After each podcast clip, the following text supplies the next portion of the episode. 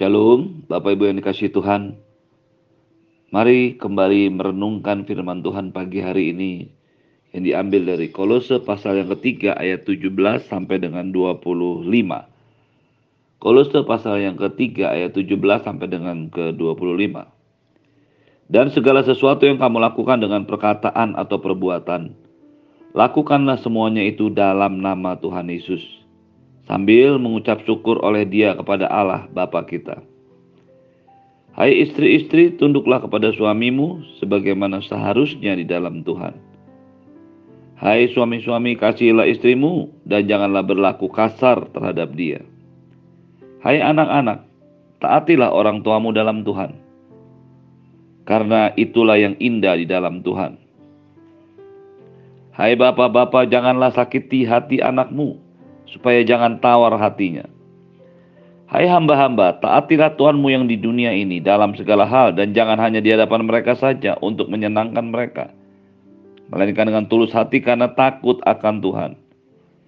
Apa pun juga yang kamu perbuat, perbuatlah dengan segenap hatimu, seperti untuk Tuhan dan bukan untuk manusia kamu tahu bahwa dari Tuhanlah kamu akan menerima bagian yang ditentukan bagimu sebagai upah.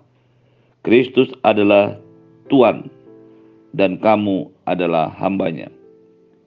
Barang siapa berbuat kesalahan, ia akan menanggung kesalahannya itu. Karena Tuhan tidak memandang orang.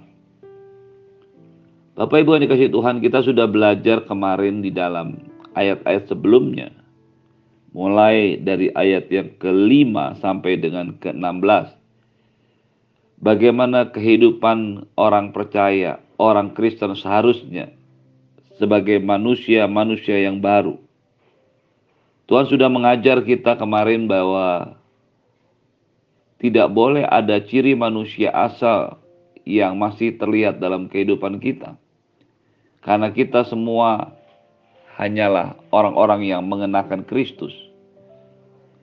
Walaupun kita sudah dikuduskan dan dipilih Tuhan, tetapi Anda dan saya tetap harus belajar untuk mematikan segala sesuatu yang duniawi, membuang semua sifat-sifat lama, dan mengenakan sifat atau karakter yang baru.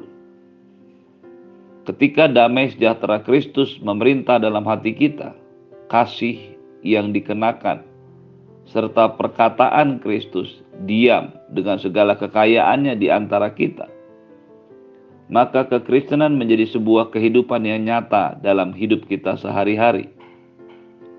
Itu sebabnya mengapa dalam ayat 17 dikatakan dan segala sesuatu yang kamu lakukan dengan perkataan atau perbuatan, lakukanlah semuanya itu dalam nama Tuhan Yesus sambil mengucap syukur oleh Dia kepada Allah Bapa kita. Kekristenan adalah sesuatu kehidupan yang nyata. Kekristenan bukan hanya kumpulan teori, doktrin atau dogma, tetapi merupakan sebuah buah kehidupan hari demi hari. Setiap motif tindakan kita haruslah untuk Allah lewat Kristus. Ketika Anda menyadari kehidupan kita semuanya untuk Tuhan, maka apa pun peran dan kedudukan kita di dalam dunia ini, dalam rumah tangga, dalam keluarga, dalam pekerjaan, dalam bisnis, dalam kehidupan masyarakat sosial, kita tahu bahwa semua yang Anda dan saya lakukan adalah untuk Tuhan. Semua yang kita kerjakan harus kita lakukan di dalam nama Tuhan Yesus. Ini menyebabkan sebuah pengertian yang sangat jelas bagaimana Allah membawa hidup Anda dan saya. Sungguh-sungguh mengalami kebenaran demi kebenaran Tuhan. Ini menunjukkan bahwa kekristenan tidaklah hidup untuk diri sendiri. Anda dan saya tidak bisa berlaku seolah-olah hanya untuk diri kita sendiri semua yang Anda dan saya kerjakan untuk Tuhan. Semua yang Anda dan saya lakukan untuk Tuhan. Semua yang Anda dan saya kerjakan di dalam nama Yesus. Ketika kita menyadari ini, maka kita tahu bahwa apa yang Anda dan saya kerjakan sehari-hari dalam kehidupan kita merupakan sebuah kebenaran firman Tuhan yang nyata hari demi hari. Ketika setiap orang percaya menyadari ini, maka mudah baginya untuk mengerti dan memahami posisi apa pun yang sedang dialaminya dalam hidup ini. Itu sebabnya mengapa dikatakan, hai istri-istri tunduklah kepada suamimu sebagaimana seharusnya di dalam Tuhan. Ada satu perintah Tuhan, ada satu ketetapan Tuhan yang tidak pernah berubah. yang diberikan Tuhan sejak awal manusia itu ada. Pemilihan Allah tidak membedakan Tuhan, tidak membedakan jenis kelamin kita di depan mata Tuhan. Tetapi pemilihan Allah, penyetaraan hak yang Tuhan berikan kepada pria dan wanita tidak menempatkan otoritas ilahi menjadi sesuatu hal yang berbeda. Ketika Anda dan saya dipenuhi dengan Roh Kudus, kita memiliki hak yang sama di hadapan Tuhan secara gender. Ketika Anda dan saya bertobat percaya dan menerima Yesus pemilihan Tuhan atas Anda dan saya, siapa pun kita, pria dan wanita, kita tetaplah sama di hadapan Tuhan, memiliki hak yang sama. Tetapi tidak demikian dengan otoritas ilahi. Otoritas ilahi yang Tuhan berikan tetap pernah berlaku.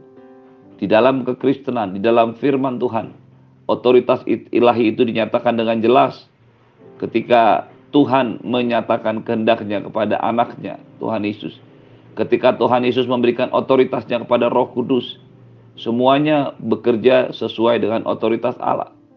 Itu sebabnya mengapa dikatakan, hai istri tunduklah kepada suamimu, sebagaimana seharusnya di dalam Tuhan.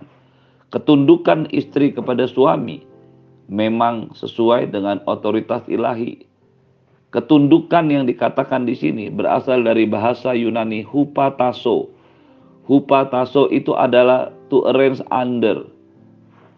Mengatur untuk memang ada di bawah otoritas. Untuk taat. Untuk menjadikan ketaatan sebagai sebuah kebenaran otoritas ilahi atas hidup Anda dan saya. Di sini menunjukkan sebuah ketaatan jadi hupataso ini adalah keputusan yang diambil untuk menyerahkan otoritas, tunduk. Kita memiliki hak yang sama, istri dan suami memiliki status yang sama di depan Tuhan. Menerima hak yang sama sebagai pribadi-pribadi yang dikasihi. Tapi berbicara tentang otoritas ilahi, ada sebuah penyerahan yang harus dilakukan setiap kita menundukkan diri di bawah otoritas ilahi. Ini adalah sebuah gambaran ilahi tentang otoritas, penyerahan untuk taat dan tunduk. Di dalam hal ini, itu nyata dalam hubungan istri dan suami, anak orang tua, hamba dan tuan, jemaat dan orang-orang yang ditetapkan Tuhan untuk memimpinnya. Hupataso adalah sebuah prinsip yang secara khusus ada dalam kekristenan dan merupakan sebuah hal yang terus-menerus dipelihara oleh Tuhan karena hupataso, penyerahan untuk tunduk, merupakan sikap hati yang memang Tuhan mau setiap Anda dan saya miliki dalam kehidupan kita. Hupataso bukanlah pembedaan jenis kelamin atau kedudukan sosial. Hupataso atau penyerahan adalah sebuah tindakan aktif yang dilakukan manusia, yang dilakukan oleh kita sebagai sebuah bagian menyerahkan otoritas diri untuk tunduk dan taat kepada otoritas yang memang ditetapkan Tuhan atas hidup kita.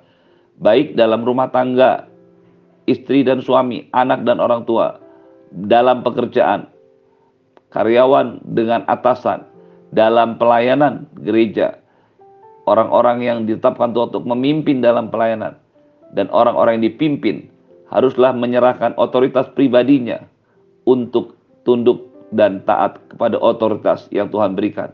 Demikian juga dengan para pemimpin mereka memiliki para pemimpin di atasnya dan mereka menyerahkan otoritas untuk tunduk dan taat kepada firman Tuhan, kepada orang-orang yang sudah seharusnya ditetapkan Tuhan. Kata tunduk yang dikatakan dalam istri kepada suami bukanlah karena kekalahan istri, tetapi sebagaimana seharusnya di dalam Tuhan. Kata sebagaimana seharusnya di dalam Tuhan haruslah dimaknai dan dimengerti sebagai sebuah tanda ketaatan kita kepada Tuhan. Efesus menerangkan beberapa kali kata ini seperti untuk Tuhan. Maksudnya sama karena itu adalah karena itu adalah apa yang harus kita lakukan sebagai orang Kristen. Orang percaya, orang Kristen, umat Tuhan harus memperlakukan orang lain dengan cara yang mengasihi, menyerah bukan karena orang itu pantas menerimanya tetapi karena mereka adalah sebagai sesama orang percaya, orang-orang yang mendapatkan kasih karunia Tuhan. Hal ini hanya mungkin terjadi ketika Roh Kudus ada dalam diri kita, ketika kita menyadari otoritas ilahi yang Tuhan berikan. Itu sebabnya ada banyak hal lain yang kemudian diteruskan oleh firman Tuhan. Hai suami, kasihilah istrimu dan janganlah berlaku kasar kepada dia. Ketika semua sudah seharusnya berfungsi di dalam Tuhan, maka seorang suami haruslah mengasihi istrinya, jangan berlaku kasar. Kata jangan berlaku kasar berasal dari bahasa Yunani pikraino. Pikraino bukan hanya diterjemahkan sebagai jangan berlaku kasar, tetapi jangan memahitkan, jangan membuat satu rasa yang pahit, sakit hati kepada istri. Dalam hal ini, ketika istri-istri sudah menundukkan diri untuk dipimpin oleh suaminya, suami harus mengambil otoritas dengan cara mengasihi, bukan dengan cara memerintah, bukan dengan cara otoriter, tetapi justru dengan mengasihi dan tidak berlaku kasar kepadanya.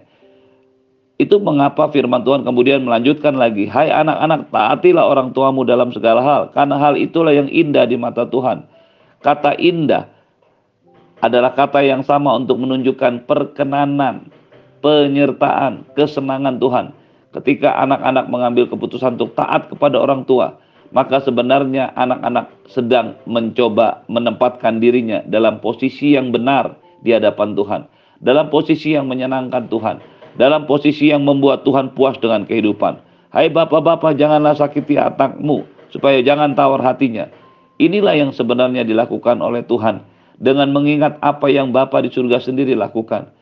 Ketika Tuhan mengetahui apa yang terjadi dengan manusia yang pertama dengan pemberontakan dengan ketidaktaatannya, dia tetap mengasihi manusia. Allah tetap mengasihi Adam. Allah bukan tidak tahu apa yang dikerjakan oleh Adam, tapi Allah mengasihinya. Pertanyaan Adam di manakah engkau? Bukanlah menunjukkan ketidaktahuan Allah terhadap posisi Abraham, maaf, posisi Adam, tetapi menunjukkan betapa besarnya kasih Allah kepada Adam sehingga walaupun Adam sudah jatuh ke dalam dosa, Allah tetap mencarinya Allah tetap merindukannya dan Allah tetap ingin bersekutu dengannya. Kerinduan hati inilah yang juga ada dalam setiap bapak-bapak. Mereka harus membuat anak-anaknya tidak tawar. Jangan menyakiti hati anak-anak. Ayat yang ke-22 berkata, Hai hamba-hamba, taatilah Tuanmu yang ada di dunia ini dalam segala hal. Jangan di hadapan mereka saja untuk menyenangkan mereka, melainkan dengan tulus hati karena takut akan Tuhan. Sekali lagi, Ketika segala sesuatu yang kita lakukan dengan perkataan atau perbuatan dilakukan dalam nama Tuhan Yesus, maka seharusnya apa yang terjadi dengan Tuhan Yesus itulah yang terjadi dengan setiap orang percaya. Pikiran, perkataan, perbuatan, perasaan yang terdapat dalam diri Tuhan Yesus itulah yang juga seharusnya terjadi dengan setiap orang percaya. Ketika bekerja, ketika melakukan apa pun dan kita memiliki Tuhan, kita memiliki atasan, maka kita mentaati mereka bukan untuk menyenangkan mereka, tetapi dengan tulus hati karena takut akan Tuhan. Takut akan Tuhanlah yang menjadi dasar bagi setiap tindakan kita. Takut akan Tuhanlah yang menjadi sebuah kebenaran bagi kita. Dalam konteks ini kita tidak melihat atasan kita sebagaimana seharusnya dia ada, tetapi kita melihat Tuhan yang ada di dalam dia. Ketika Anda dan saya mampu melihat hal ini, maka kita akan tahu bahwa apa yang Anda dan saya kerjakan semua untuk Tuhan. Tulus hati adalah sebuah sikap yang betul di hadapan Tuhan, bukan karena kita mau dilihat baik oleh dunia ini, oleh atasan kita, tetapi mungkin maaf, tetapi ini berarti kita ingin dihadap benar di hadapan Tuhan. Kata tulus hati, haptoles, haplotes itu adalah melayani Tuhan dengan setiap motif yang murni di hadapan Tuhan. Apa pun juga yang kamu perbuat, perbuatlah dengan segenap hatimu seperti untuk Tuhan dan bukan untuk manusia. Melayani Tuhan adalah motif dari semua yang orang percaya lakukan dalam kegiatan sehari-hari. Ketika Anda dan saya bekerja, ketika Anda dan saya berbisnis, berprofesi, belajar, mengajar, apa pun yang Anda dan saya lakukan, sebenarnya semua yang kita lakukan harus terarah kepada Tuhan. Tentu saja hal ini menjadi sebuah kebenaran bahwa orang percaya akhirnya menjadi saksi hidup dalam kuasa penebusan Kristus. Ketika Anda dan saya melakukannya, ketika Anda dan saya melakukan semua hal dalam hidup ini, kita lakukan untuk Tuhan, untuk Tuhan, maka sebenarnya kita sedang menempatkan kebenaran firman Tuhan, sedang menempatkan Tuhan atas hidup Anda dan saya. Ini merupakan sebuah kebenaran dari doa Bapa kami yang diajarkan oleh Tuhan Yesus. Jadilah kehendakmu di bumi seperti di surga. Bagaimana kehendak Tuhan terjadi di bumi? Ketika Anda dan saya mempraktekkan semua kebenaran-kebenaran firman Tuhan ini dalam hidup kita.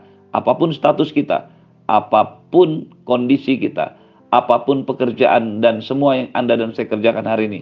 Ketika semuanya dilakukan dalam sebuah ketaatan kepada Tuhan, bukan hanya kepada manusia, maka kita sedang menempatkan kerajaan Allah nyata dalam dunia, dunia dan bumi ini.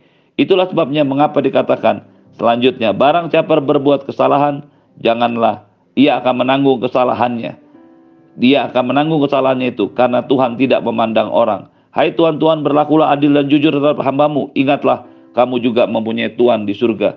Hal yang sama terjadi ketika Anda dan saya memimpin.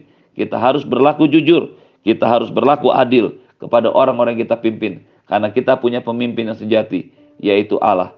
Inilah yang menjadi dasar hidup setiap orang percaya hari ini. Semua dikerjakan untuk Tuhan dan hanya untuk Tuhan. Terimalah berkat yang berlimpah dari Bapa di surga, cinta kasih dari Tuhan Yesus, penyertaan yang sempurna dari Roh Kudus, menyertai hidupmu hari ini dan sampai selama-lamanya di dalam nama Tuhan Yesus. Semua yang percaya katakan amin. Shalom, selamat pagi, Tuhan Yesus berkati.